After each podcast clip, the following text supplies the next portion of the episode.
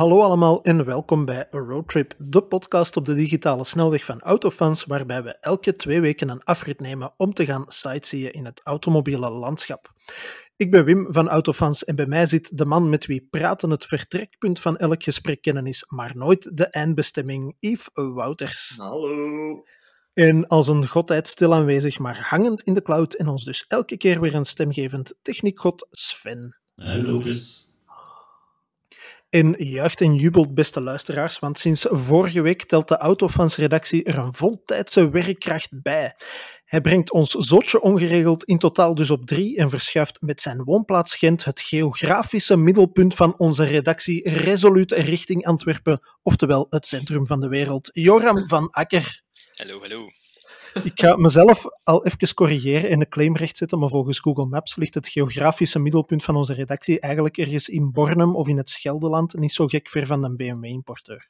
Maar Ja, dus ik dacht, elke, mo- vragen, dat elke mogelijkheid om een of Antwerpen-hater te jennen is er één extra. Dus, eh, Misschien moeten we dan eens vragen dat we dat een kantoorruimte kunnen eh, benuttigen voilà, bij BMW. voilà. Ja, gezien dat het toch het centrum is. Ehm, nee, dus inderdaad, Wim. Lichtvergroting. Ongelooflijk Als je, het, als je het zo wilt uitdrukken, Yves, inderdaad. Ja, uitdrukken. Ja, maar na 50 afleveringen, zo waar. Gewoon iemand extra. Ja, los van, van de podcast natuurlijk, ook redactioneel. Ehm, en, en dan nog een Gentenaar, ook nog inderdaad. Maar dus, Dat moet vandaag allemaal kunnen. Hè? ja, het is trouwens voor de kijkers een, een beetje sneak diversiteit in de accenten ook. Ja, dat is waar. Of wij, wij zijn toch al vrij verschillend, wie ben ik, Joram? Ehm, Nee. nou, voor mij klinkt dat een beetje hetzelfde. Hè. Dat is uh, Antwerps. eh, We zijn vertrokken. hoor. We zijn vertrokken. Nee, maar het is eigenlijk een sneak preview voor de mensen die kijken, want ja, ehm Wim en ik hebben ook nog niet de binnenkamers van Joram gezien. Dus bij deze kijken wij mee voor de eerste keer in de living of de bureau, Joram? nee, de bureau. De bureau. Ja. Ehm, ik weet nu niet dat het een Gentse gewoonte is, maar, of, of dat je dat niet door hebt, maar er hangt wel een deur aan uw muur. Allee, bij mij zou er spinnen hangen, maar er Ja, ehm, muur. nee, dat is geen Gentse gewoonte. De, de Ah. mensen bij wie dat ik die deuren gekocht heb, vond dat ook een beetje raar. Dus het is, het is al helemaal geen gewoonte, denk ik. Die dacht dat ik nu een mini aan het restaureren was, maar ik ging dat gewoon aan mijn, aan mijn muur hangen. Dus. En er hangt er wel goed, vind ik. Ik weet niet. Dus, Ja, hoe komt het aan, aan dat, dat project, dat idee, om, om te denken, ik wil zo eens een minideur aan mijn... Ja, ehm, los van mijn, mijn één week ervaring bij Autofans ehm, ben ik al zo ja, drie jaar of zo eh, freelancer, sporadisch een beetje voor verschillende kleinere autoplatforms. Ehm, Mhm. Ik wou een beetje een moodroom creëren. Dus om zo te schrijven over zaken, zo een beetje eh, omringd zijn door alles dat met auto's te maken heeft. Ehm, en wat hangt je dan aan uw, aan uw muur? Logisch, eh, deuren en, en andere carrosserieonderdelen moeten nog volgen, maar voorlopig een deur. Is, is de bedoeling dat er dan op termijn een volledige mini tegen uw muur hangt? Of, eh, Misschien moet ik een beetje diversiteit voorzien qua, qua merken ook en zo. Dus, eh, Ah, dus eh, ja. Zo het accupakket van een Tesla. ja, en een aandrijflijn ergens een, waterstofcel of zoiets eh, inbouwen. Je, gaat het veiligste huis van de buurt hebben, dat weet ik nu al dan. Ja, ja, ik wil die brandverzekering niet betalen. maar, ja. ik, vind het, ik vind het vooral de meest minimalistische werkruimte van ons drie. Als je zo eens goed naar de achtergrond kijkt, zo die Ja. chaos hier achter Ja. mij, dat boekenrek van de Nief. En dan, ja, ik word er zo waar rustig van, Joram. Ja. Het is echt... Dank u. Dat is ook deels maar bewust hoor, want ik woon hier nog maar, ja, nee, ik woon hier nog maar twee jaar. Je zou denken dat ik de tijd gehad om de boel in te richten, maar de bureau is zo onvermijdelijk de laatste kamer waar dat je aan begint. En dat staat dan in het begin vol met rommel. Ehm, dus nu staat er even, oké, ja, je ziet een andere kant van het scherm niet, daar staat er misschien wel heel veel rommel, ga ik niet zeggen, maar ehm, voorlopig is dit nog de leegste kamer van, van het huis. Maar ja, kijk, als dat een minimalistische vibe geeft, dan ga ik het, eh, dan ga ik het die wending aangeven. Dus niemand neemt de pun op zich minimalistisch met die deur. Nee, dat werd gewoon echt gepasseerd. Ja, oké. Iedereen is wakker. Er is een grens aan woordspelingen hier. Ja, maar dus eh, inderdaad een, eh, een nieuw redactielid, Wim. Ehm, het, was, het was hoge nood, denk ik. Niet zo waar? Het, Ehm. het, het was zeker nodig. Ja, uiteindelijk hebben we, dit is even de corporate speech. hier. Eh, we blijven groeien hè, en uitbreiden en groter worden en oh, betere cijfers. Dus ja, redactieversterking. Ik vind dat eigenlijk wel zot. Ehm gezien dat ik er als, als beginneling al bij was bij Autofans. En er zijn wel mensen gepasseerd. En ja, je hebt natuurlijk niet alleen de redactie. Er zijn ook andere mensen die werken voor Autofans en in loondienst. Maar de redactie van drie fulltime werknemers, dat is toch zo. Dat is de eerste keer dat dat gebeurt. Zo. En ik, ik weet nu niet dat dat de Joram extra lood in zijn schoenen moet leggen, dat hij het beter goed doet of zo. Ik weet Ja. het niet, maar ja. No pressure. ehm. Dat is toch een beetje spannend. Ja, nee, inderdaad. Allee, ik voel al een beetje gemor opstijgen uit, uit de regio Rumst, maar er is nog altijd een ander redactielid dat weliswaar niet voltijds voor ons werkt, maar toch wel eh, een, een grote bijdrage levert aan. Autofans. Tuurlijk. En Eh. dan eh, hebben we ook nog de, eh, de nodige fotografen, cameramannen en heel de Sante Boutique HR hebben we ook wel nodig voor bepaalde individuen die werken bij Autofans. Ik noem ze namen, Wim. Ehm, maar ja, ik vind het wel interessant. Joram, hoe ben jij bij ons geraakt? Hmm. Allee, ik bedoel, we hebben u aangenomen, hè, dus Ja. we weten dat je bij ons bent geraakt. Maar wat, wat heeft u bezield om op een annonsje in het lokaal gazetteke ehm, te reageren? Wat heeft u bezield om te zeggen, deze is een goed idee? Ja, Ja, ik, ik ben er ook nog niet uit of dat echt een goed idee is hoor. Maar... nee. De, een proefperiodes zijn afgeschaft, helaas. hè. Dat niet, is, dat, niet is meer. dat 30 dagen roepingsrecht of is dat enkel bij Zalando? Ik weet het niet, want ik, ik heb nog altijd mijn arbeidsovereenkomst niet meer. Eh, nee, mijn, mijn, Ah, eh, is- hoe heet het? Wer- Werken wij met arbeidsovereenkomsten? Wat is dat? Loon? Nee, Ehm, vertel. Zwat, ja. Dus ja, eh, al van kinds af aan zot van auto's ehm, en, en schrijf graag. Dus die twee Mhm. samen is een beetje een logische keuze. Ehm, en altijd al een beetje als freelancer gewerkt, maar zo sporadisch voor zo, voor zo drie à vier eh, kleine eh, platforms. Ehm, en zelf ook iets opgericht met de, de gezegende naam Menotto, wat dat, op mijn eerste gesprek bij jullie toch wel een beetje onderwerp van discussie was, want dat was het eh, in het Antwerps van ja, moet dat niet Menotto zijn? En, en ja, bij ons niet, Menotto. Ehm, en daarbij reviewden we auto's, ehm, of ja, het bestaan nog steeds, er worden er auto's gereviewd, eh, schrijven over de sector. Eigenlijk een beetje wat dat jullie doen, ehm, Mhm. of wat dat wij nu doen, moet ik zeggen. Maar dan ja, kleinschaliger en een beetje aan het opstarten en dergelijke. Maar ik wou dat altijd al voltijds doen. Dat freelancen ook. Ik weet, niet of dat, ik weet eigenlijk niet of dat jullie ooit freelancer geweest zijn, maar dat is soms wel, soms wel veel werk. Zeker als je zo'n beetje voltijds werkt ernaast en dan moet je nog freelancen. eh, is dat moeilijk combineren. Dus na Mhm. zo'n drie jaar was het eigenlijk wel ja, een, een welkome verrassing eh, om aangenomen te worden bij jullie. Ehm, Ja, voilà. ja. Ja, en, en zeg maar wat de hoofdreden is waarom dat je aan bent genomen. Jullie? Ik hoopte, gewoon- ik hoopte Nee. gewoon dat je zelf iets ging zeggen. dat je zelf altijd niet iets ging zeggen. Nee, um, allee, voor mij toch ook een doorslaggevende reden. Ehm, wat staat er in jouw garage? Ja. Misschien een beetje rare dingen. En, en dat typeert mijn autosmaak wel, denk ik. Dus voor de, voor de alle... Wat heeft? Verkocht al. Dat is al in orde. voilà, ik moest maar dat zeggen. Ehm, dus eh, voor, voor de alle dag gebruik ik een Saab 9.3. Ehm ja, benzine. Ehm, dat moest. Een van de weinige benzines dat ik gelijk kon vinden in België. Zoveel waren er niet. Dus, ehm, Ik wou moest zeggen, die zijn in de tijd vooral als diesel verkocht, Ja, denk ik. Hè. ja. Eh, Eh, ik heb er ooit ja. eens een testrit mee gedaan, dat was niet echt, niet echt mijn ding. Maar diesels over het algemeen zijn zo minder mijn ding, vooral qua geluid dan. Is het zo'n beetje klak, klak, klak. En nee, liever niet. Plus een Saab, dat moet een turbo zijn. Eh, dus ja, de, de 9.3 benzine met een turbo aan ehm, is wel een leuk ding. Zeg, voor de Ehm, mensen die, die... Ja, even, ik onderbreek heel de tijd. Mhm. hè, dat is heel vervelend, ik Dat weet is, dat. is- Um, voor de mensen die niets van auto's kennen van die periode, um, of specifiek over Saab 9.3, is, is dan een 1800? Nee? Ja, dat is. Oh, dat is, eh, dat is. eh, Ik weet niet wat dat die mensen bezield heeft om die auto die een naam te geven, maar dat is de Mhm. Saab 9.3 1.8 kleine T.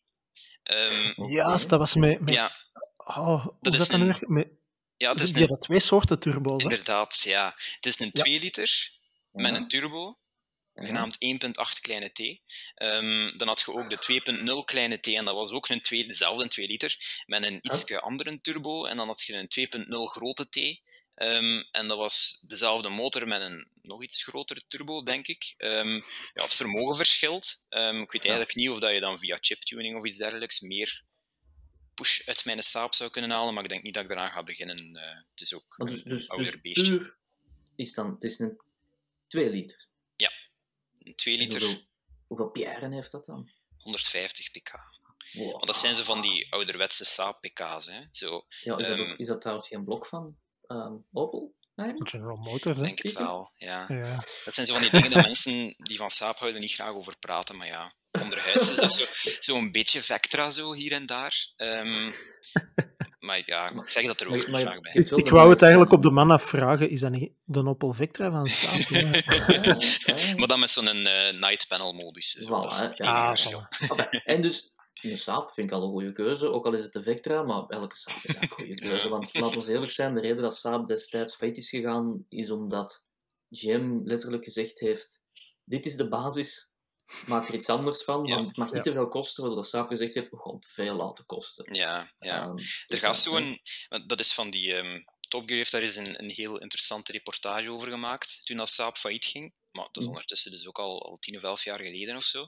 Ehm, maar daarin zeiden ze over de auto dat ik heb, dat het infotainment systeem volledig ontwikkeld is door Saab zelf. Mhm. Maar ik weet eigenlijk niet of dat, dat euro mochten uitgeven. Ja, ja, inderdaad. En dat die een volledig ander infotainment systeem hebben gemaakt. En oké, het, is, het is een goed systeem. De, de GPS is eigenlijk opmerkelijk goed voor van 2008 te zijn, los van het zo wat geforceerd Zweedse stemmetje dat dan wat Engels probeert te spreken. Dat is iets heel raars.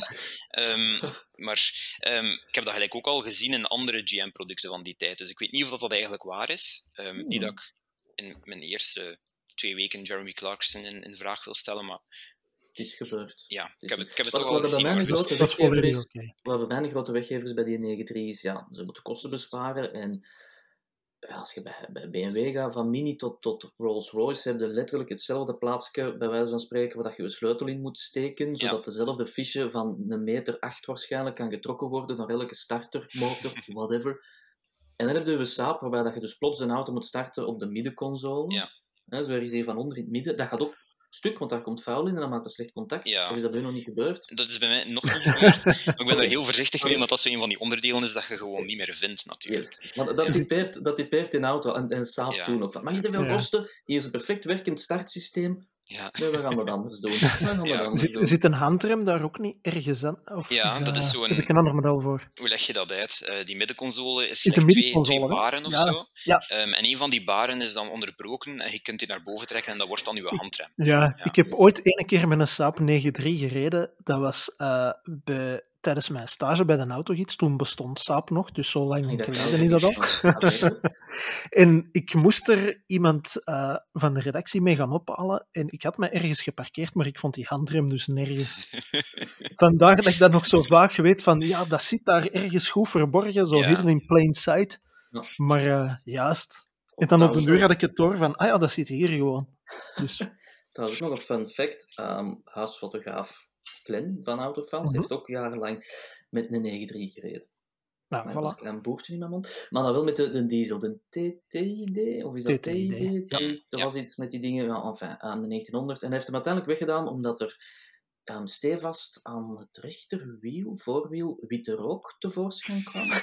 en in de garages wisten ze niet van waar het... Ze vonden de oorzaak niet, maar Ja. ja, dat was Dus- de smeulende saap. Het gaf altijd zo een, een, een, een fjordgevoel als hij zo toekwam, zo, met de mist die dan... Ja, dat was heel mooi. Dat was heel mooi. Is, Ja. is dat een gekend probleem in de 9.3 community, Joran? Ehm, ja, ik weet het eigenlijk niet. Misschien is het dat. Want toen dat ik mijn saap kocht, ehm, was een van de veren van de voorophanging gewoon in twee gebroken. Ehm, En dat gebeurt blijkbaar wel vaak. Ehm, Mhm. En dat, dat merk je dus aan het feit dat je daarmee rondrijdt. En als je over een drempel gaat, word je een, een enorme knal. Ehm, Mhm. Dus ja. Misschien was het dat. Misschien was die veer ook. Verkocht. Verkocht. Ja, de Ja, gebroken heb en dan een of andere leiding afgescheurd. top houden, top. Maar goed, Ja. dat is dus nog maar een. Hè. Ik bedoel, we Dat is- hebben nog iets voor in het ja. weekend ook nog. En ik neem aan dat het niet de rest van die mini-carrosserie is. Ja. Nee. nee, nee. Een mini, maar dan zonder chauffeur. Dus Nee, is. Nee, in, in eh, een garage ehm, heb ik een Peugeot 205 XR staan. En die XR zeg ik er niet bij omdat dat iets speciaals is, dat is gewoon omdat het cool klinkt. Dat is niet speciaal. Ik, was het dus net al aan het googelen, effectief. Nee, voilà. Ja, wat is dat zegt mij niet meteen iets. Ja, het is gewoon een, een, een- grijze. Peugeot met blauwe zeteltjes. En dat vond ik wel tof. Ah. Volledig blauw interieur, inclusief Mhm. de, het dashboard. Dat heb ik nog nooit gezien. Had ik op de Mhm. foto's ook niet gezien. En ik zag die auto en die had een, een blauw dashboard en een volledig blauw interieur. Blauw stuur zelfs en zo. Echt gekke dingen. Ehm, en ja, die was verkocht. Want ja, dat had ik nog niet gezien. Ehm, dus ja, maar dat is wel plezant om mee te rijden. Ja, dus, dat is heel... En, wat, wat is dat dan juist? Een, een 1,1 benzine? Nee, eh 1.4. Die 1,1 Oh. was een beetje te zwak. Ja, echt de 1.4. Eh, met een carburateur. Ehm, dus lekker veel rook 's morgens. eh, en stank. En, eh, maar dat was de bedoeling, zo ouderwetse rijervaring voor ja, eigenlijk een heel laag budget. Hè. Die 205 die kosten gewoon niks meer momenteel. Dus, en ik vond dat een mooi model en dat rijdt wel leuk. Een beetje boterig wel, verrassend. Allee, als, een, als een boot. Ehm, Ah, ik dacht Ah, als boter. manier. boterig, nee, Ja, nee, nee. maar dat, daar schrok ik wel van. nee, daar schrok ik wel van, want de, de 205 heeft toch zo'n beetje een, een sportieve reputatie. Ehm, Mhm. En eigenlijk stuurt hij niet zo strak, maar ja, die, die GTI's hadden dan natuurlijk een, eh, eh, hoe heet dat ding, een stabilisatorstang van voor, dat Ja. de mijne niet heeft. Mhm. En, dus het is een, een authentieke Franse ervaring. Heel zachte een- stoelen, Een klein ehm, geheim van de industrie. Elke auto van de jaren 80 tot zelfs diep in de jaren 90 stuurt niet strak. Want die ratio's waren toen gewoon nog anders. Als je Ja. een sportauto van vroeger... Ik doe zo, maar een sportauto van vroeger, dan denkt. Het, een van de eerste dingen dat je ook altijd denkt is... "Wow, Wat is, wat is deze allemaal? Ik moet je nog wel sturen. Wij zijn dat zo gewoon, dat de auto's heel hypernerveus zijn geworden. Ja. Maar, maar allee, eigenlijk kunnen we dus besluiten dat we officieel een motorhead... Zeg je dat zo? Boord hebben.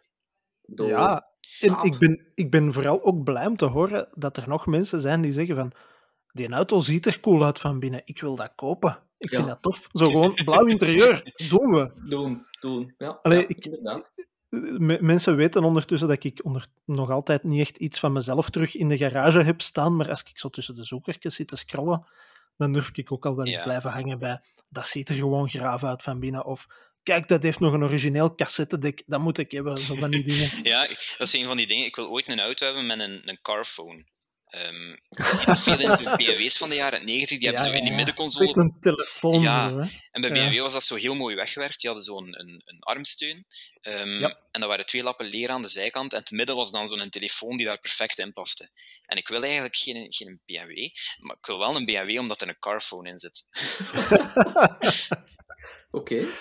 Oké, kijk, ieder zijn afwijking. Dat is, heb je zo, dan hebben ze nog, ik, alleen de meeste mensen hebben zo de checklist van, ik Afwijkingen? zoveel pk hebben gehad, of heb je zo nog van die dingen zo, carphone, blauw interieur, Ehm. zo nog specifieke dingen waarvan je zegt, dit wil ik ooit gehad hebben, omdat dat cool is? Hmm, goh, Ik wil bijvoorbeeld al ooit eens een auto hebben met zo'n laadklep dat in twee delen open gaat, dat je er van achterop kunt zitten. Zo. Ik weet niet dat dat- Zo'n jacht, zo'n jachtbordje, of hoe heet dat dan ook? Ah ja, zo. Gelijk bij, ja, gelijk bij een Range Rover eigenlijk. Zo. Wel Dus, ja, wel ja, ja. ja. Of bij de X5, denk ik. Nee, de XC90. Ze zijn dat die dat nog gehad hebben. Enfin, Of- Ik wil over het algemeen gewoon een keer een Fiat Panda hebben. Dat is zo een van die dingen. Al, al van toen dat ik klein was, ja, mijn ouders gingen heel vaak naar Italië met ons. Ehm, en eerst was dat zo typisch de Fiat 500, dat ik als kind een, een schattig ding vond. Eh, en dan groeide dat zo naar een, een vreemde liefde voor de Fiat Panda. Eh, en ik heb dat nog steeds. Ehm, en voordat ik die Peugeot gekocht had, dat waren eigenlijk de twee opties. De Fiat Panda of een Peugeot 205. Eh, voordat ik die Peugeot gekocht heb, heb ik een testrit gemaakt met een Fiat Panda die ocharme 700 euro kostte of zoiets. Ehm, en die voelde ook wel een beetje zo. Dat was, dat was, een, dat was in Wallonië ehm, en dat was daar een beetje glooiend terrein. eh, en die auto startte niet van zichzelf. Ehm, dus ja, je hebt eigenlijk geen, geen batterij nodig als je glooiend terrein hebt. Hè. Dan duwt je die gewoon van die een berg in tweede. Ehm, dus het was een heroïsch moment om die mens in zijn, in zijn Fiat Panda eerst naar beneden te gaan. En die was aan het schudden en doen die een auto. En dan hoorde hij in de verte zo starten tegen zijn goesting. En dan kwam die met zo kaarslichtjes, eh, eh, omdat de batterij kapot was, terug die een berg opgereden. Zo. Ehm, maar die heb ik niet gekocht omdat hij zodanig veel roest had. Eh, dat was echt een ja, ik, maar... Alleen de, alleen de roest was het probleem. Of... Nee, de kabels lagen ook bloot en, en die auto was eigenlijk, eigenlijk een beetje op. Maar ergens wil ik hem redden. Dat is zo 700 euro, dat is, dat is niet veel Als een- geld. En Als een oude asielhond, dat je Ja. denkt van, ik ga hem nog een gouden mandje geven. Voilà, zo voor zijn laatste jaren dat hij een auto nog niet gewoon in twee breekt van de rust. Ik wou die nog gelijk redden, maar ja, ik heb het toch mijn eigen niet aangedaan. En Was het dan de, de, de hoekige eh, Fiat Panda, zo het model Ja, ja. Seat heeft er ook sowieso een kopie van gehad? Ja, of was het de moderne? Ja, ah, wel inderdaad. Het was een die echt. Ja, ja het was echt eh, de, de oorspronkelijke Panda. Ik vind de, nieuwe ook wel leuk eigenlijk. Hè. Liefst dan met zo'n grasmaaiermotorken in, die een tweecilinder.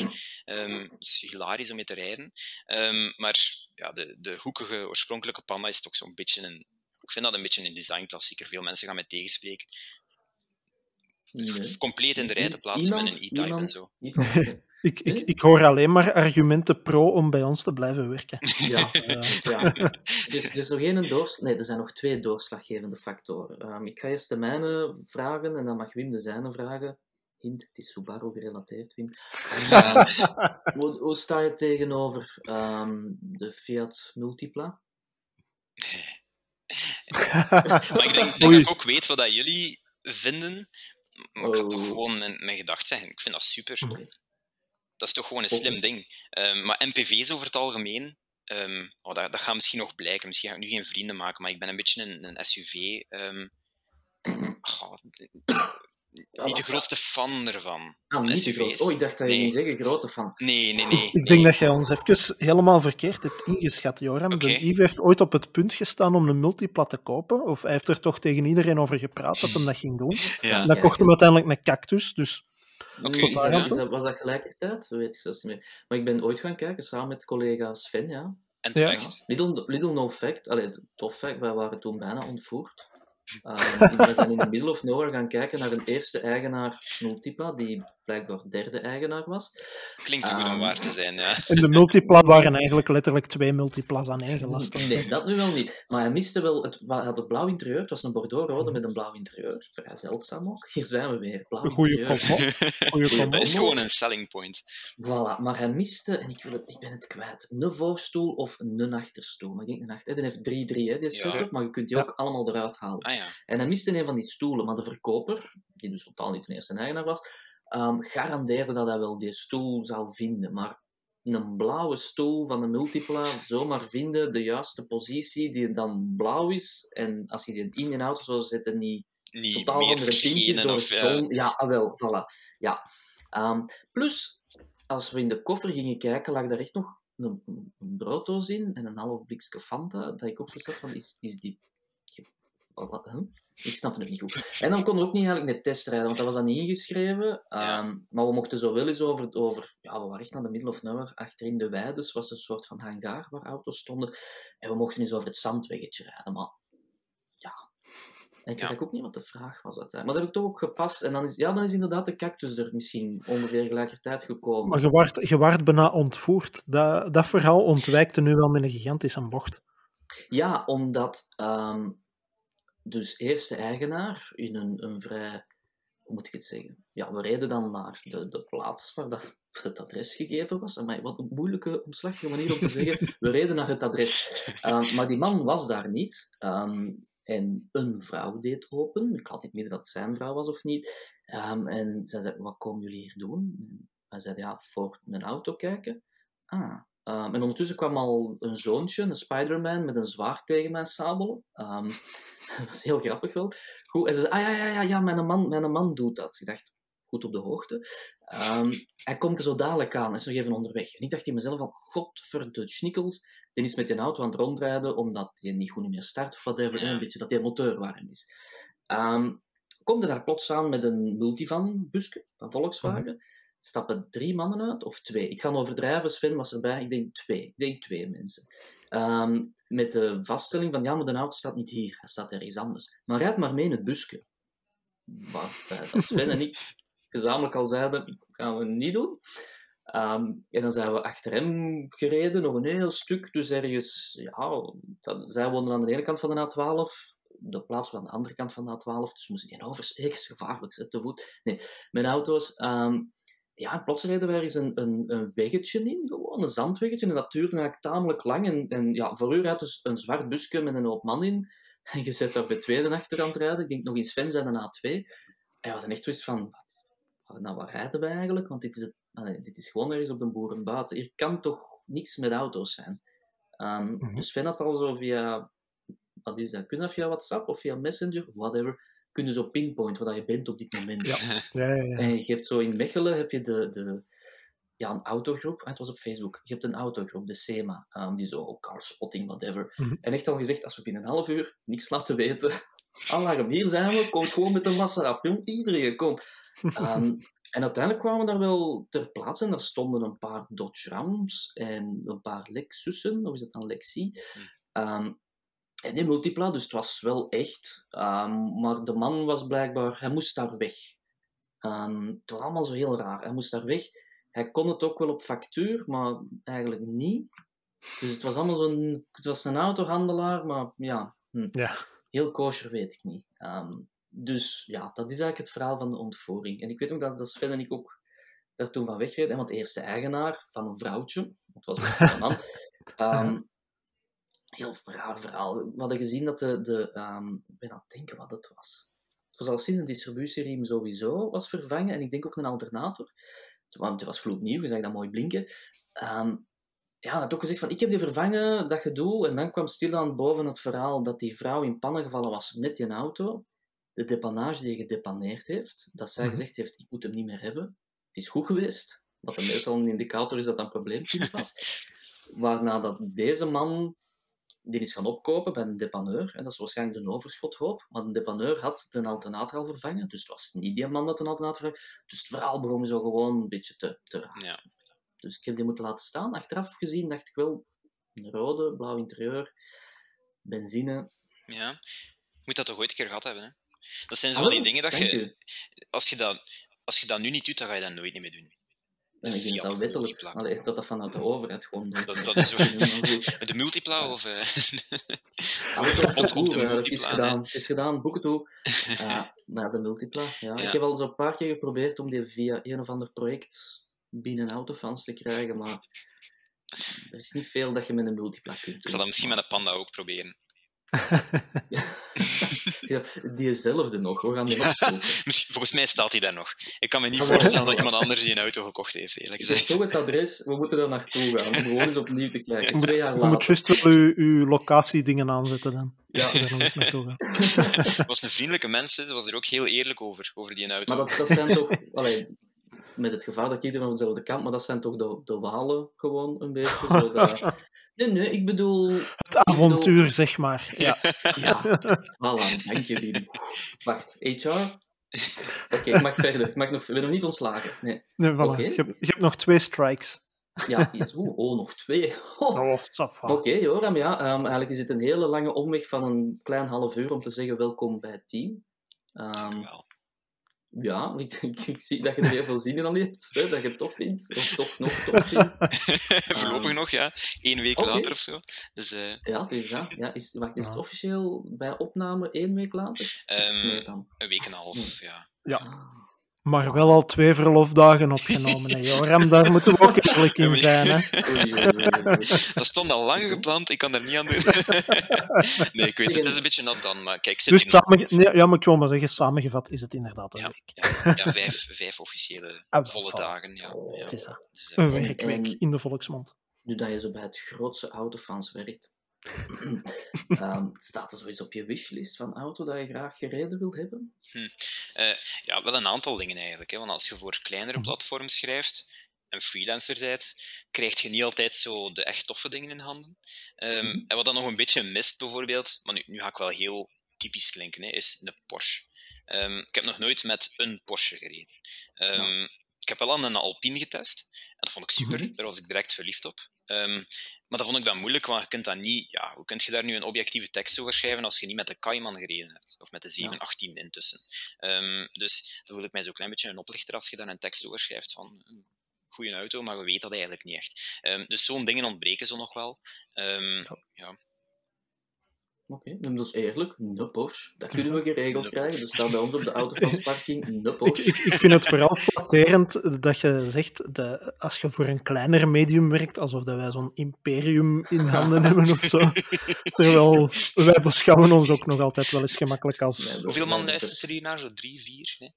Ja, ja nee, dat zijn wij al. Hè. Dus, Vol- Ah, volgens concurrerende media, volgens de officiële cijfers, want daar bestaat ook soms oneenigheid over. Ah, ja, ja, we mogen dat maar vier doen, want ieder, er zijn gemiddeld vier mensen in een huiskamer als Ja. de, de Als die s'avonds naar de radio luisteren, inderdaad. Als, als moeder de vrouw aan het breien is, terwijl de pap op de Leuvense stoof staat en zo. Ik denk inderdaad, ja, mijn, mijn, mijn ouders zullen ook aan keer luisteren. eh, Wauw, oké, Dat cool, cool, cool. Moeten we nu oplossen. Over, over eh, ja, uw ouders gesproken, kom je uit een autogezin effectief? Want je zei van, ja, ik ben van kleins af geïnteresseerd in auto's, maar de meeste mensen die wij hier over de ja, virtuele vloer krijgen, er zit altijd wel een soort familielink in. Als Ja. het niet een vader is die een voorliefde had voor auto's, is het wel ja, iemand anders in de Mm. familie of zo. Ja, ja, met mijn ouders. Ik, ik weet niet of, dat, of dat je daarmee genoeg weet, maar ze hebben heel hun leven met Opel gereden. Ehm, altijd zo bij dezelfde garage. Je hebt zo van die mensen die heel, heel garage trouw zijn, zelfs niet merktrouw. Mijn, mijn ouders idem en ik heb dat Ja. overgenomen. Ja. Dus er, er zat wel een interesse in auto's, of zit wel een interesse in auto's in. Ehm, Mhm. Maar die kwam niet altijd helemaal. Ja, dat, was niet, dat was niet echt eh, fanatisme. Ehm, Ja. En wanneer dat die Opel-garage veranderd is in een, een Kia-garage, denk ik, dan hebben ze ene Kia gekocht. Ehm, en hebben ze die na zes maanden eh, weggedaan. Omdat ze dat geen, geen goede auto vonden. Ehm, en sindsdien kopen ze BMW's. Dus, maar, maar ik ben sindsdien eigenlijk het huis uit. Dus een, hun, Mhm. blijkbaar hun auto-fanatisme is maar begonnen als ik daar vertrokken ben of zo. Ehm, ja. Hoe zou dat komen? Ja. Kost de kinderen veel geld? Huh? Vraagteken, Had er iemand mij dat acht maand geleden niet kunnen vertellen? Ja, we, gaan met Kia's moeten rijden en met Opels. Ja, ja. Maar eh, ja, dus heel mijn, mijn jeugd bestaat uit Opels. Ehm, Zeg maar, wat voor Opels dan? ja, Er ehm, bestaan welke- natuurlijk inderdaad ook veel verschillen. Hè? wel in, in mijn, mijn leven ehm, zijn er. ehm wacht hoor, ik denk toen ik geboren werd, dat ze een, een cadet hadden. Ehm, dan hebben ze zo'n een, een Astra gekocht, zo'n rode brek, zo'n een, een Astra F of zoiets, ik wil het nu kwijt zijn. Zo, ja. Eerst, eerste generatie Astra, dus Ja, volgend op de ja. cadet. Ehm, daarachter een Vectra, ehm, waar je van zou kunnen zeggen dat misschien... ja, ze, gaan, ze gingen wel naar boven, ja, dat is wel. Ja, ja. Ehm, ehm, waarvan je zou kunnen zeggen dat mijn Saab er misschien op gebaseerd is. Ehm, daarna een Zafira. Twee Zafira's. Mhm. Eerst zo de eerste generatie Zafira. Ja, ja. En dan de tweede generatie Zafira. En daarachter een Insignia. Dus een beetje het topmodel eh, van, van Ehm, maar dan konden ze eigenlijk niet meer naar boven, dus dan dachten ze, we gaan naar Kia. Ehm, een, een, een sp- sp- Sportage, Sportage. Een sportage. Ik vind dat echt een heel rare Sportage. naam. Het- ja, Ja. nee. Ja. Ehm, maar goed. En dat hebben ze dan zes maanden teruggebracht. Ja, ik, ik vond dat ook niet zo slecht. Ehm, toen zat ik al op kot en toen eh, had mijn pa me zo'n mailje gestuurd van hey, de garage is, eh, is ook Kia beginnen verkopen en ze hebben hier een aanbieding. Ik had gezegd van ja, het is geen slechte auto. Ehm, ze hebben die gekocht, ik heb ermee gereden. Ik dacht van, eigenlijk wel oké. Ehm, Mhm. Maar ze zijn altijd diesels gewoon geweest en dat was een benzine. Eh, dus je moest die in de Ah. toeren jagen. Eh, en ik heb het dan een keer getoond, effectief een keer doorgetrokken naar zo'n 6.500, 7.000 toeren, maar dat vonden ze dan zo wat... Ja, dat, dat willen ze niet elke dag doen. Ehm, ook voor het verbruik niet en zo. En ook de... Ja, eh, je kunt zeggen wat je wilt, maar zo de bouwkwaliteit is op sommige vlakken misschien niet heel Duits.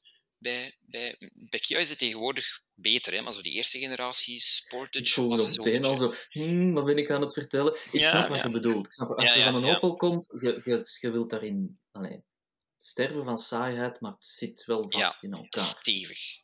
Ja, Dat is het kernwoord van een Opel, stevig. ja. Ehm, en bij die Kia zat er heel veel, heel veel uitrusting Los. op. Ehm, Ah. Maar het was allemaal te bedienen met plastieke knoppetjes. Ehm, Ja, dus dat mhm. voelde wat anders aan. Ehm, en dan zijn ze overgestapt op BMW, omdat ze eigenlijk altijd al een beetje een BMW wouden. Dus, ja. Ik snap dat ook. Insignia is eigenlijk de logische volgende stap. BMW, hè. Ja. Laten we eerlijk zijn. Even doen Dan zal ik de vraag stellen, Oh. wat voor BMW? Ehm, en ze hebben nu eh, de, de, de tweede generatie X1 en daarvoor hadden ze de eerste generatie X1. Ah ja, ja. Oké, Ja. oké. Dus eigenlijk een, een Sportage voor het... rijke Een. Sportage, maar dan niet met plastic en knoppetjes en armsteuntjes. Mhm, mhm, mhm. Ja, ik wil over discussiëren, maar goed. Oké, oké. Cool, cool, cool, cool, cool. Ik vind het wel frappant dat de cadet... eh, mijn ouders hadden ook een cadet. Ja, of niet Heeft- iedereen een heeft cadet, niet ja. Ah, wel, heeft niet iedereen een link met een kadet in zijn jeugdjaren gehad? Ja. Is dat zo'n beetje de... Ook zo, ja, dat, ja, dat kan wel. Dat is zoals dat iedereen wel iemand kent met een Opel Corsa, ongeacht de generatie. ja.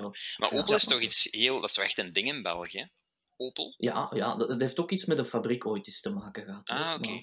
Ja, die hebben nooit eens Maar iets jij bent nog jong, Joram. Dat weet ik niet nooit eens tijd. zoiets gehad of zo. Ja, zo wat onderdelen of zo die er toevallig ergens lagen. Maar, ja, in Antwerpen. Maar ik begrijp dat, dat je dat, dat, je dat ja, collectief, dat Ja. dat niet in, in de, de parking geleerd Ja. wordt. Maar goed, Nee, want heel mijn, heel mijn familie had vroeger Opel. Eh, allebei mijn grootouders, aan beide kanten, die reden met een Corsa. Dezelfde, Ah, voilà, hetzelfde type dan nog echt. eh, eh, de ene was een driedeur en de andere een vijfdeur, maar gewoon echt toch nog, dezelfde nog wel. Ja. Ja, ehm, mijn onkel reed met een Meriva en daarvoor met een Mhm. Astra. Dus eh, echt zo'n Opel-familie. Dus ik heb heel mijn jeugd eigenlijk niet veel anders gezien dan Opels. Ehm, Mhm. ja. Ik weet niet wat dat... eh, ja. Zeg, en hoe, hoe werkt dat qua therapie nu? En wel, ja, ik heb nu zoiets met Japanse auto's. Ik weet niet of dat een soort van afkeer daarvan is. Welkom, welkom. Oh, Kom Maar zo- binnen. Ja, Toyota's en Lexussen en zo, dat heb ik in mijn jeugd gewoon nooit gezien. Eh, en ah, eigenlijk... dus in- dat, is, dat is uniek voor jou nu, zoiets. Ja, Ergens wel. Allee, ja, ehm, aangezien dat ik al, al een drietal jaar auto's test, ehm, heb ik al redelijk veel... Ja. Dat is ook een beetje een ding geworden, dat overal waar ik kom, dat er veel Toyota's getest worden. Eh, omdat ik die auto's gewoon zo tof vind. Wat dan nu raar klinkt voor een Toyota, maar ik vind gewoon dat die goed in elkaar zitten en, en die zien er eigenlijk wel leuk uit. En een Lexus is dan de overtreffende trap en dat is gewoon een ideale auto, vind ik. Dus, dat brengt ons, ons naadloos bij de vraag die Wim niet gesteld heeft, maar ehm, hoe sta je tegenover het beste Japanse merk dat al 100 jaar auto's bouwt? Denk ik. Je weet wel wat ik bedoel. Het merk met de 11 sterren, Subaru. Ehm, klopt dat? Zijn dat 11 sterren? Eh, het, het, het zou kunnen. Alleszins, daar zullen we binnenkort over uitweiden. Want Sam de Jongen en ik hebben afgesproken dat we een eenmalige marathon-uitzending van zes uur over Oh, Subaru gingen houden. Jullie moeten dat doen. Jullie moeten dat doen. Maar goed. Deze heb ik het nog eens benoemd, dus hebben we de druk op Sam nog een beetje opgevoerd. Het is, het is Facebook official. Ja. Goed, Voilà. maar Joram, wat vind jij van het beste Japanse merk, aller Japanse merk? Ja. Ehm, ik heb nog maar met één Subaru gereden. En dat is misschien niet de meest typische Subaru, dat is de BRZ. Ehm. Dat is wel stiekem de leukste auto dat ik ooit al mee gereden heb. En dat is niet omdat ik alleen nog maar met Opels gereden heb of zoiets. Ehm, ik heb ook al met, met een paar andere krachtige dingen gereden, dus veel krachtiger dan dat. ehm, en veel gesofisticeerder dan dat. Maar toch heeft hij een BRZ iets puurs. Hmm. dus ja, dat is de enige ervaring met Subaru. Maar ik denk, ja, dat is geen vierwielaandrijver bijvoorbeeld, en dat is nogal typisch Subaru, dus misschien is dat niet echt de Subaru waar dat je dan eh, naar moet kijken als je iets over dat merk wilt weten. Ehm, ook wel een, een, beetje een, een raar toeval dat je dat nu vraagt, want eigenlijk de volgende auto die op mijn planning stond, als ik niet bij jullie was begonnen, was een Subaru. En die hebben we dus moeten cancelen. Eh, dus mijn ervaring met, met een echte Subaru zou misschien, eh, ja, zou misschien Welke, welke was het? Misschien kunnen we dat nog wel regelen. Zo. Oh, hier gaan we. Hier gaan Oh ja, Oh nee, dat is erg. De, de naam ontgaat mij nu. Goed gespeeld. Goed gespeeld, Joram. Ja, ja, ja. we, onvergetelijk. we, zullen, Ja, we, we zullen dat achteraf overdubben. Ik had eh, op, eh, op aanraden van Wim had ik Wikipedia opengezet. Eh, nee, de, die, die hatchback, zo die kleine, kleine hatchback van Subaru. Ehm, De Impreza, nee, nee. Ja, niet echt hatchback, zo een kleine SUV heet dat tegenwoordig. XV. XV. XV, ja. De, de Ah. XV Ah, ah. stond op de planning. Zeg maar, als je wil, uh, allee, Wim heeft rechtstreeks contacten met, eh, met Subaru. Ik heb een directe lijnen. We kunnen gewoon aaneenschakelend alle modellen laten rijden. Ah, ja. hè? Ik bedoel, ik weet niet of die mensen van Subaru dat nog gaan willen doen, nu dat ik de namen van zijn modellen niet weet. Maar, ehm, of misschien kan ik ze leren kennen op die manier. De, die de look uitleg dan. is dankzij deze 10 minuten durende promocampagne in onze podcast toch vergevingsgezind. ik denk dat, dat, dat Subaru al heel veel promo gekregen heeft. Ongelooflijk eigenlijk. Ja, als we dat zouden En het toppunt is, ik heb zelfs niet eens een Subaru. Hè. Nee, is- ik vind ook dat jij van de Luid de Subaru Days moet organiseren. gewoon. puur, puur door jezelf georganiseerd met alle... Ik, waarom maak je eigenlijk geen video over alle modellen van Subaru? Samen met de Sam, zodat hij heel de tijd met lichte tegenzin in beeld kan staan. En zo denken Ja? van, godverdomme, Ja, ik heb beter toch in een andere podcast gezeten. ik vind dat je daar een video over moet maken. Zo, dit, zijn, dit zijn mijn top 5 favoriete Subaru-modellen momenteel op de markt. Want Er zijn er maar Voilà, ja, allemaal dus. Ja, dat is een goed idee. Maar dus, Joram is, is zijn, zijn antwoord is, is een beetje indefinitief, want ja, hij heeft toch niet echt gesubaru'd. N- Ah. Niet echt, nee. Oké. Nu, je weet dat, dat Wim zijn, zijn fascinatie voor Subaru voortkomt uit een bijna doodservaring met Subaru. hè? Hmm, Oeh, nee. Nee, vertel. Ah ja, op, op, op rallystage, allee, op sneeuwstage, is Ah ja, Wim juist, ooit dat bijna hopeloos verkeerd gereden met een Subaru. En ja, ik snap dat wel als je uren alleen door de bossen rijdt, in de sneeuw. ik overleef dit niet, en je overleeft het uiteindelijk wel, Ja, dat je wel een blijvende band Volgens, hebt. volgens Yves was het een soort Stockholm-syndroom waar ik nog ik altijd niet van af ben, maar Ja, ik vond ja. het een ervaring voor het leven. Dus de meningen lopen wat uiteen. ja. Kan, kan er ergens wat in komen. We hebben ooit eens ehm, voor één, één dag een eh, Alfa Romeo Giulia Quadrifoglio meegekregen. Dat is een Stockholm-syndroom. Dat is, die auto is een Stockholm-syndroom op zich, want dat was een, een regenachtige dag. Ehm, Mm. en heel de dag heb je het gevoel dat die een auto zo op het randje staat van je keel over te snijden. Ah, ja. Omdat vanaf dat je dat gaspedaal een beetje aanraakt op dat glad wegdek, gaat, gaat dat achterwerk alle kanten uit. En, eh, maar wel, ja, ergens toch een liefde voor gecreëerd. Hoewel ik nooit een keer deftig heb kunnen optrekken ermee, zonder heel veel schrik te hebben. Ehm, ja, impressionant machine. Dat gebeurt toch niet meer zo vaak, hè, Yves? Dat je zo'n een, een persauto meekrijgt waar dan nog iets aan mankeert, zodat ze zo per ongeluk versleten banden hebben gemonteerd, of, of Wacht, twee verschillende, Dat of gebeurt niet veel, of was het met een lichte hint van sarcasme? toch niet meer zo vaak. Ik kan me herinneren dat dat vroeger wel eens vaker voorkwam. Ik herinner mij een, hoe heet het dan, een M6 Grand Coupé, Oh. een, een jaar of zeven, acht Iedereen geleden, heeft die meegehad. Ja, met alle banden. Op, op kale banden toen het buiten Oh. drie graden was of zo. Dat was... eh, Ja. Ik, mijn, mijn ervaring met de Grand Coupé was op kale banden, 3 graden. En toen ik hem Mhm. ging ophalen, was het echt een, ja, gewoon een, een gigantische neerslag dat de straten blank stonden. En dat was, dat was afschuwelijk. En zelfs als het droog was toen, het was zo koud, elke keer als ik op de autostrade van baanvak wisselde, bougeerde die eigenlijk een beetje. Ik vond dat heel, heel raar. Ehm, maar gebeurt dat niet veel? Ik, ja, niet, niet meer zo vaak, heb ik, ik heb het wel gevoel. na, lockdown heel Ja. veel slechte auto's gehad. Dat Mhm. klinkt heel negatief, slechte auto's.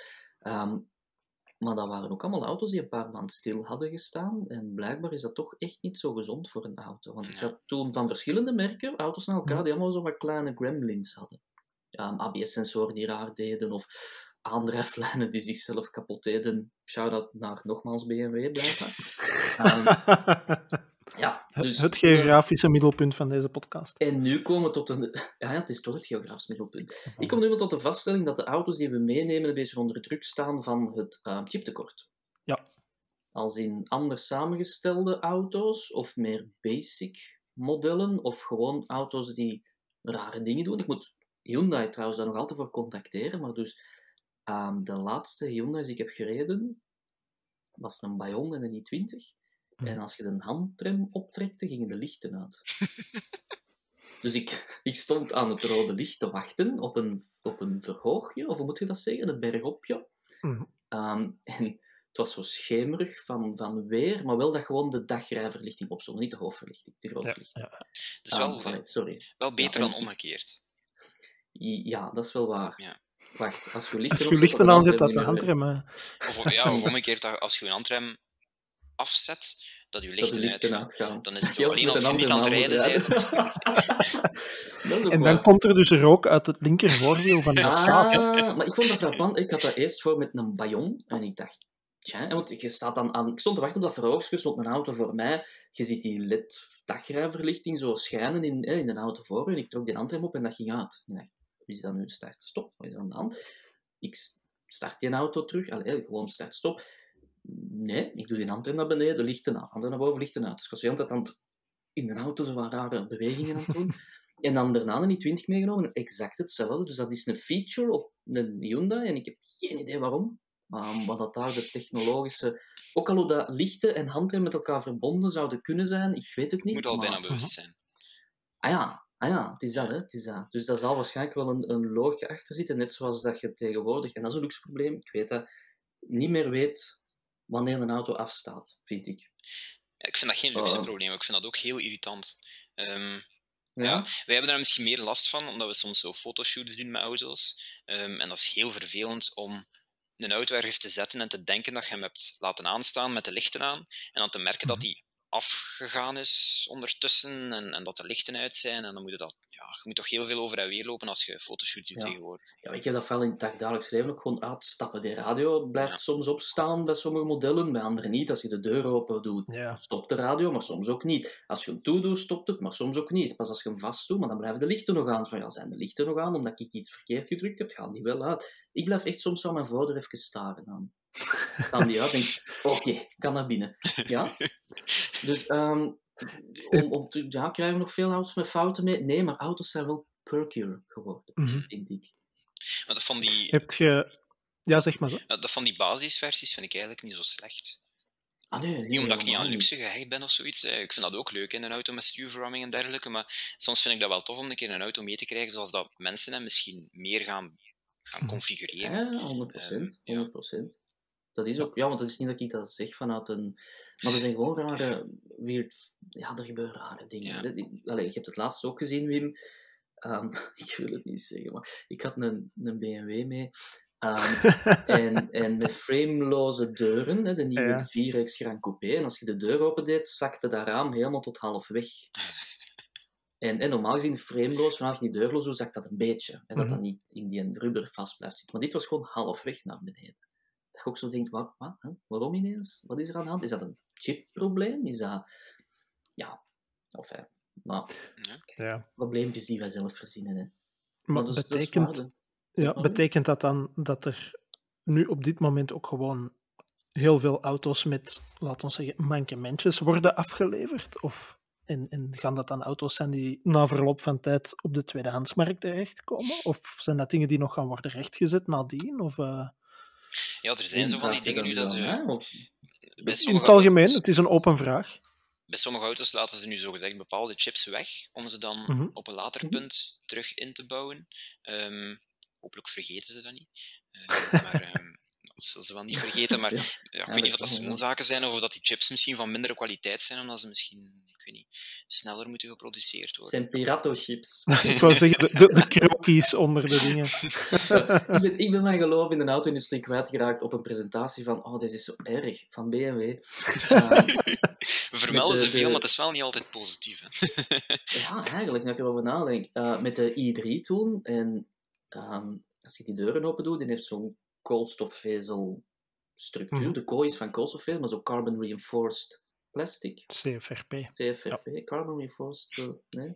Carbon, Carbon fiber reinforced fiber plastic. Enfin, ehm, dat dus. Ehm, en dat was heel lelijk gewoven, Mhm. geweverd, hard geweverd. Ehm, en toen ook op de presentatie vragen van, ja, dat is nou wel niet zo mooi. En dan zei ja, maar bij de productie, hè, dat zijn de eerste modellen, bij de productie is het allemaal mooier en dan is dat in orde. En dan, een paar maanden later, gaat je een productiemodel afhalen om nogmaals te testen en dan zie je nog exact dezelfde lijn. En dan denk je van, godver...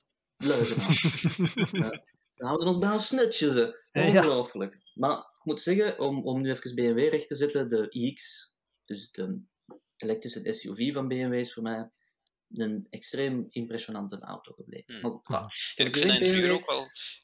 Ja, het is een interessant design, hè. Want Dat is geweldig. Ja. Dat is echt, ik voel me daar echt alsof ik daar zelfs niet in mag zitten. Zo'n beetje wat je hebt dat je in een Rolls Royce kruipt. En dat je denkt, ik ben echt te Ken je dat als je in een Rolls Royce kruipt? Ik ben echt te chauffeur om daarin te zitten. Ik had dat bij die iX. En ja, dat is wel mooi dat je dat ook bij BMW kunt doen. Want laten we eerlijk zijn, BMW is eigenlijk ook maar gewoon het, het normale product geworden hè, in onze maatschappij. Ik bedoel, ja, blijkbaar heeft iedereen een BMW, want ze verkopen als beste van allemaal in ons land. Dus ja, dat is maar... Ja, hè, dus dat vind ik dan logisch. Dat je Ja. gewoon wordt, BMW's. Iedereen heeft een BMW, dus je zet dat gewoon. Maar de iX is toch nog iets anders. ik vind het ergens wel een bewonderenswaardig ding. Omdat van BMW, moet ik zeggen, als ik erin stap, heb ik vaak zo het gevoel van die interieurs zijn goed gemaakt, maar vooruitstrevend is dat niet altijd. En die Nee. X, als je naar dat interieur kijkt, is dat iets volledig anders. En dat apprecieer ik dat wel, dat ze die stap echt toch durven zetten om zoiets te maken dat, dat een volledig andere kant uitgaat. Ja, ja, want dat is wel waar. Want voor mij is BMW ook zo'n merk. BMW is voor mij het Opel. Als Opel wel ingenieur dat die leuk sturende auto's zou willen maken en zou in kunnen investeren in interieurs met vooruitstrevende. Zo. Ja. Ja, allee, toch zo wat dat iets. Hè? Uh, maar dat van de X is echt wel heel knap. Maar de- wa- wat verstaan jullie onder vooruitstrevend? Want ik, ik denk heel vaak, als ik pakweg een drie-reeks of een vijf-reeks van dichtbij zie, van ha, ik vind dat nog altijd heel aangenaam dat uw, allez, uw display voor u, uw infotainment in het midden, uw airco eronder met knopjes, uw draaiknop om uw infotainment te bedienen. Ja, ja. Dat was tien jaar geleden iets wat dat perfect werkte en dat hebben ze nu niet noodzakelijk gewijzigd, omdat het nu allemaal weer anders moet zijn en allemaal achter een scherm moet zitten. Of is het iets anders wat dat er onder vooruitstrevend... Ik vind eigenlijk eerder qua design eh bedoel ik Mhm. meer. Ehm, Ja. Dat is misschien ook waarom dat ik zo wat bij die Japanse merken. Ehm, Mhm. Veel mensen vinden dat misschien niet zo mooi, omdat dat zoveel vouwen heeft en dat lijkt alsof dat de ontwerper zo niet echt wist waar hij moest stoppen met, met lijnen trekken of zo. Maar ik vind dat mooi. Ehm, en meestal groeit dat ook door de Ja. jaren heen. Ik vind dat je dat vaak hebt als een Toyota of zo voor het eerst getoond wordt, dat de eerste reactie zo wat is van, wat is dat? Ehm, en achter twee jaar dat je die zien rijden hebt, is dat plots een normale auto. En Ja. zijn andere merken zo'n beetje qua design in diezelfde richting aan het gaan. De CHR bijvoorbeeld, toen dat, uitkwam, was dat toch een beetje een raar ding. En nu is dat een doodnormale, mooie auto geworden.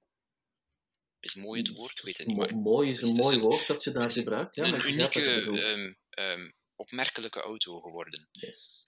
In een Ja. niet-negatieve zin. Nee, ik vind een CHR een mooiere...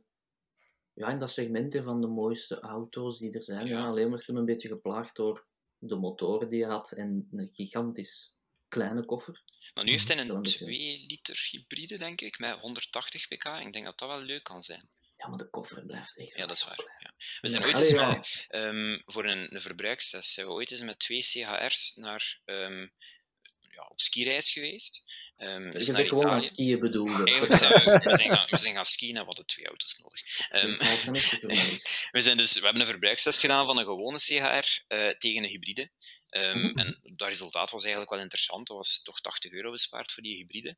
Ehm, maar in het begin dacht ik zo wel van... "Oh, een CHR. Eh, omdat ja, ik ben niet echt aan de SUV's, hè, dus dat was voor Mhm. mij een beetje... Konden we, konden we geen Corolla mee krijgen of zo.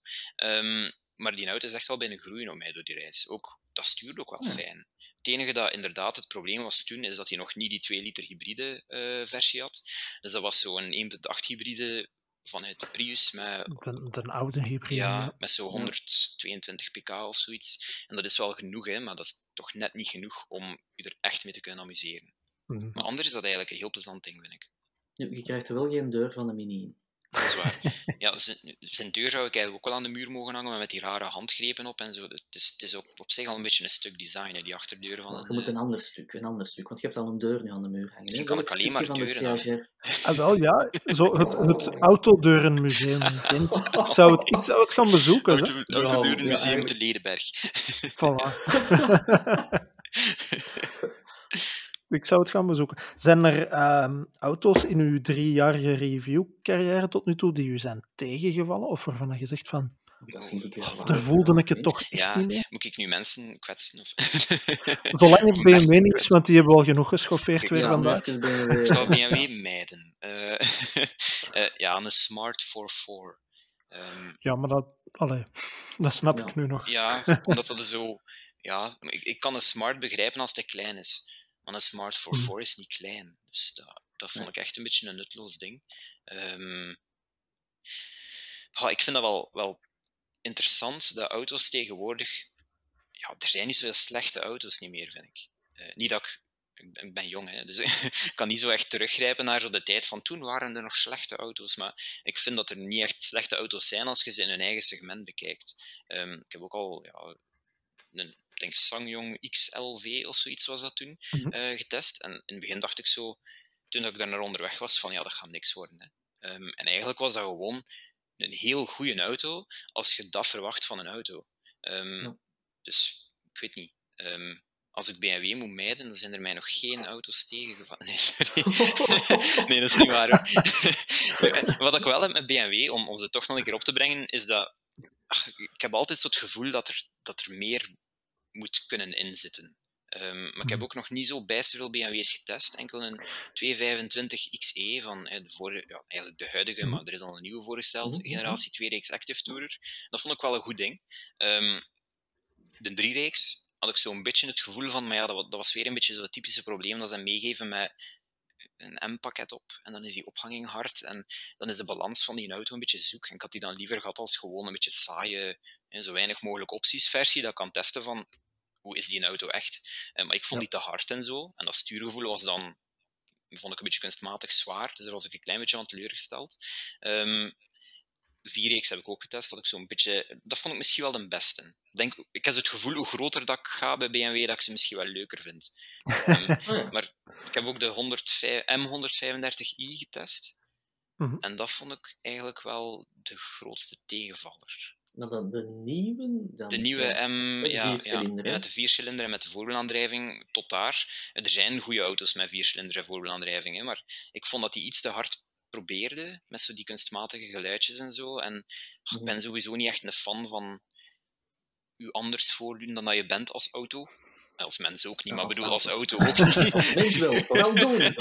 Ja. Ja, maar zo, allee, zo van die V8-geluiden in de cockpit blazen als je zo'n viercilinder onder de kap hebt. Die een ehm eh 4X deed dat ook. Ehm, Hmm. Die blaasde zo wat geluiden in, in de cockpit en zat er een, ja, een 2 liter onder. En als je die geluiden dan afzette in dat infotainmentsysteem, dan klonk dat een beetje gelijk Kia of zo. Ik weet niet, gewoon een gewone auto. Moet- Ik denk dat we Joram ook eens naar de Kia-groep moeten sturen om, om een aantal Kia's te rijden. Want ik voel dat uw algemeen gevoel rond Kia... Ehm, Ja, ja, Drink een stinger. Geef Joram een stinger. Ja, En dat wil ik. is het Ah, ja, oké, dat is inderdaad een, een model dat nog op mijn verlanglijstje staat. Een Stinger wil ik graag een keer rijden. Eh, Dat lijkt Ah, me zo'n voilà. speciaal ding, zo van als een merk dat normaal gezien relatief normale auto's maakt, zo'n keer iets krijgt van we gaan dat nu gewoon doen. En dat apprecieer ik wel. Ehm, Dat zijn meestal de beste. Zo prestigeproducten van een normaal merk. Ja. Omdat dat zo over-engineered is en het mocht ineens veel geld kosten dat het altijd goed is. ja, Behalve ja. bij Opel. Die hebben nog nooit echt een prestige-model gehad. Dat Eh, om ik iets te denk. maken. eh, De Meriva, de Meriva OPC. Laten we het daarbij de, houden. Hebben jullie- speedster. ja, hebben jullie ooit met een speedster gereden of niet? Ik niet. Ah, maar- dat is een Lotus, dat telt al niet. Hè? ja, is dan moeten veel schrappen. Hè. Dat is niet van hen natuurlijk. Hè? Bedoel, ja, maar de Stinger is van niemand. Hè? Dat Ja, hebben ja, ze zelf dat is waar, gemaakt. dat is hè? waar. Ja, dat is Allee, ja, ze hebben er eigenlijk wel... Ze hebben er wel BMW voor leeg gekocht, maar eh, de serieus voor BMW. Dus technisch gezien is dat een BMW, als je het zo bekijkt. Ja, goed. is Een van de... ja, ja, dat is waar. Ah, BMW, jong, zoveel aandacht vandaag. Ja. Ik weet de titel Ja, van nu- de podcast al, over BMW. dat, dat hebben we al eens Nee. gedaan, denk ik. Het is niet de eerste keer dat het over BMW gaat. Maar in, in their defense, misschien nog even voordat we dat eh, hoofdstuk BMW finaal kunnen laten rusten, maar hun hoekstenen, zogezegd, die zijn altijd wel. Gelijk zo, de 3-reeks hangt er misschien inderdaad vanaf welke versie. Ja, Eh, ja. maar de 5-reeks heeft mij eigenlijk ook nog nooit echt teleurgesteld. Mhm. Ehm, de 7 ook niet. Dus echt zo de, de basisfundamenten, die blijven altijd wel... ja. De vijfreeks, sorry. de vijfreeks staat eigenlijk ook nog op mijn verlanglijstje. Omdat ik zo'n Ja. gevoel heb dat ik dat misschien wel een perfecte auto ga vinden. Dus ook qua combinatie van toch nog comfort. Want ja, ik ga nu gelijk een oude mens klinken, maar ik apprecieer ouderwets comfort wel echt hard. Ehm, Dus zo een... ja. en toch nog, een beetje, toch nog een beetje sportiviteit. En, eh, Ja, ja, Oké. Alright. Ja, ja, en ik wil nog even meer defense, Wim, Ja, want ik ja vind alright. het Doe negatief. maar, doe maar. Ik heb net de, de 420i eh een tijdje zitten rijden, de Grand Coupé. En ja, ik vind zo'n 20i...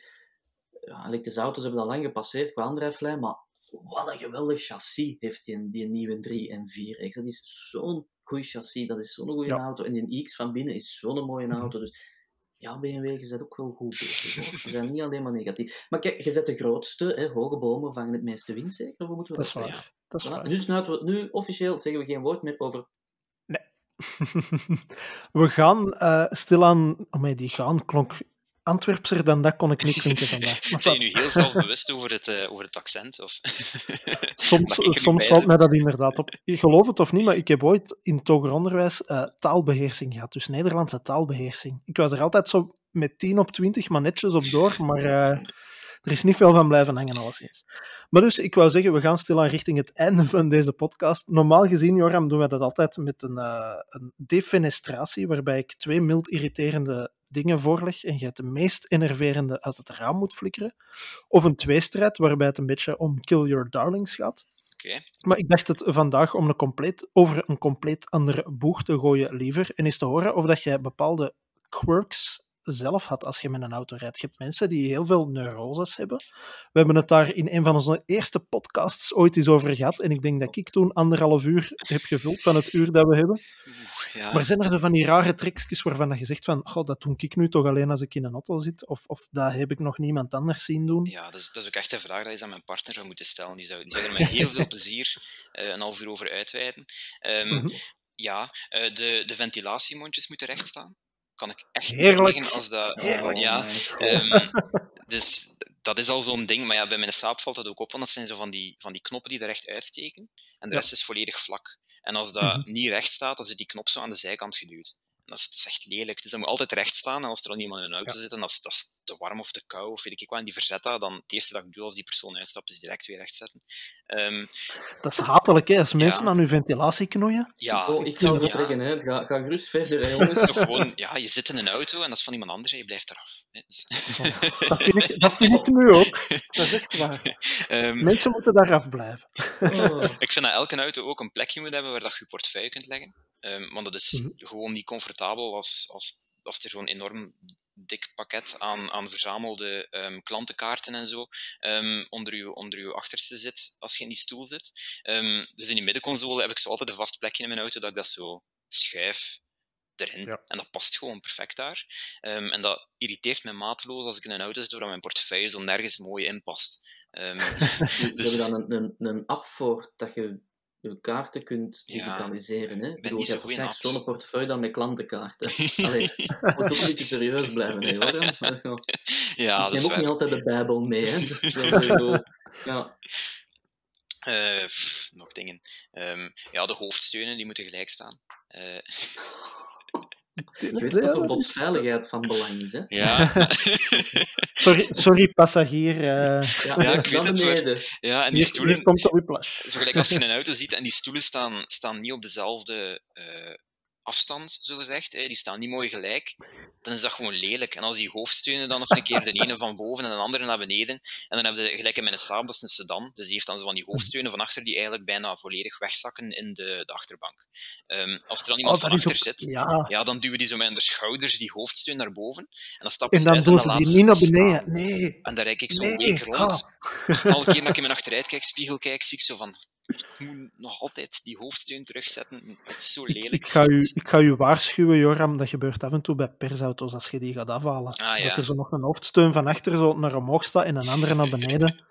En je hebt dat meestal door als je zo alles hebt ingesteld, de ventilatiemonden in de juiste richting enzovoort, je portefeuille hebt weggestoken.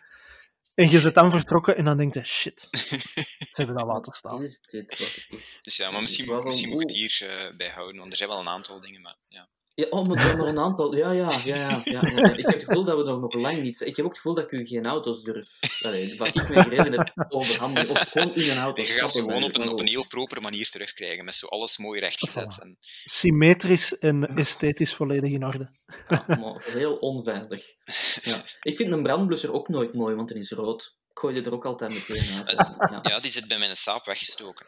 Ehm, er Ah, zit ja. daar zo'n apart klepje voor. Het enige pijnlijke is dat ik geen flauw idee heb hoe, dat je, dat, hoe, hoe dat je dat open doet. Dus als mijn auto ooit in brand vliegt, is het ofwel eh, de handleiding zoeken en, en daarin bladeren tot ik vind hoe dat je dat klepje open krijgt, want er is niet echt een, een voor de hand liggende knop aan of zo. Eh, ofwel gewoon laten fikken. Is dat zo'n lusje? Is dat niet gewoon keihard trekken? Maar dat durf ik ook niet, want ja, je hebt al een keer Hij in zit een er al even 9 in een brandblusser. Hij zit er misschien al even in, een Ik brandblusser. denk het wel. Maar hebt, je Dus hebt- als het een, een troost mag zijn, zo'n brandblusser gaat niet meer helpen als we een Nee, auto in ik brand denk dat ook niet. Nee. Maar het is ook allemaal niet zo stevig gebouwd dat dat misschien te danken is aan General Motors. Ehm, Mhm. voor zo'n dingen ja, duid ik er wel graag een keer op dat Saab toen eh, onder General Motors was eh, voor de slechte dingen. Ah, voilà. Ehm, dus ik denk als ik ergens aan trek, kan het misschien wel een keer loskomen en, en met de beschikbaarheid van onderdelen voor Saab tegenwoordig blijf ik er misschien We kunnen, af. we kunnen besluiten, Wim, dat er iemand bij ons nu werkt met evenveel dwangneuroses, eh, dwangneuroses als, eh, als jou. Ja, absoluut. absoluut. Oké. Voilà. Daar niets Op een, op mooier hoogtepunt kunnen we eigenlijk niet eindigen. Hè? dus dan eh, rest er mij alleen nog maar jullie allebei geweldig hard te bedanken om mee in mijn team te zitten, hier vanmiddag en de rest van de werkweek gelukkig ook. Uh, techniek god Sven voor de aanwezigheid. En over twee weken zijn wij er opnieuw met een nieuwe roadtrip. En dan hebben we uh, Nico de Visser te gast. En dat is iemand die uh, verantwoordelijk is voor de ontwikkeling van versnellingsbakken. Dat klinkt bijzonder technisch, maar hij doet dat bij Tremec. En Tremec die maken versnellingsbakken voor behoorlijk cool materiaal. Dus dat wordt zeker ook iets interessants om naar uit te kijken. Dus wat ons betreft, bedankt voor het kijken en luisteren en tot over twee weken. Dag!